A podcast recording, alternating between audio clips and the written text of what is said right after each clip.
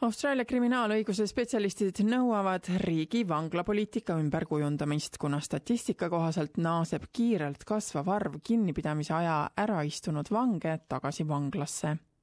SBS-i Inside saade sai haruldase võimaluse filmida Austraalia karmimates naistevanglates ning need külastused kinnitavad kõrget retsidivismi taset Sydney Silverwateri vangla müüride vahel kõlavad jutud vangla tagasitoovast uksest väga tuttavalt.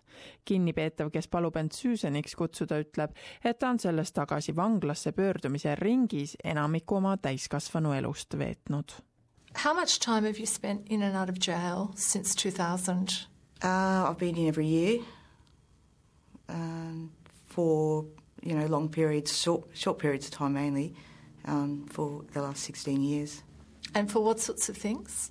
Uh, drink driving charges, larceny, uh, breaking into, uh, many those type of charges. SBS Inside saade rääkis paljude Silverwateri vanglas kinnipeetavate naistega. selles vanglas on kõige rohkem kogu New South Walesi osariigi naisvange ning üks seal toimuvatest vestlustest kõlab nõnda Am I going to see you back getting a cat four anytime I soon? I hope you never see me again. Mm-hmm. How much money do you reckon I'd have if I had 10 cents for every time I heard I'm never coming back? Oh, I wouldn't put I wouldn't put money on it because I can't promise you. Üle neljakümne protsendi vangidest jõuab vanglasse uuesti tagasi. professor Peter Norton on endine vangla kaplan, kes nüüd töötab Melbourne'i RMIT ülikoolis kriminoloogia alal. tema sõnul pole vanglatel vahendeid, et vabanenud vange ühiskonda rehabiliteerida ning retsidivismi ära hoida. The prison can't deal with the issues that women face in the community housing, uh, lack of employment, trauma, mental illness, addiction. These problems have got to be dealt with through community corrections, not prison. kui kahekümne kaheksa aasta vanuse Shannoni sugune vang on vabaks saanud, siis leiab ta, et elu vanglamüüridest väljaspool on lihtsalt liiga raske. I'm in for um, my breach of parole.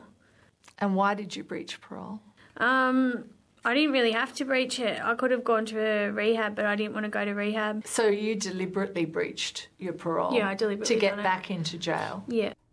See on ülerahvastatud vanglasüsteemis kasvavaks probleemiks. viimane Austraalia statistikabüroo analüüs näitab, et üle kolmekümne kaheksa tuhande austraallase on praegu täiskohaga vahi all.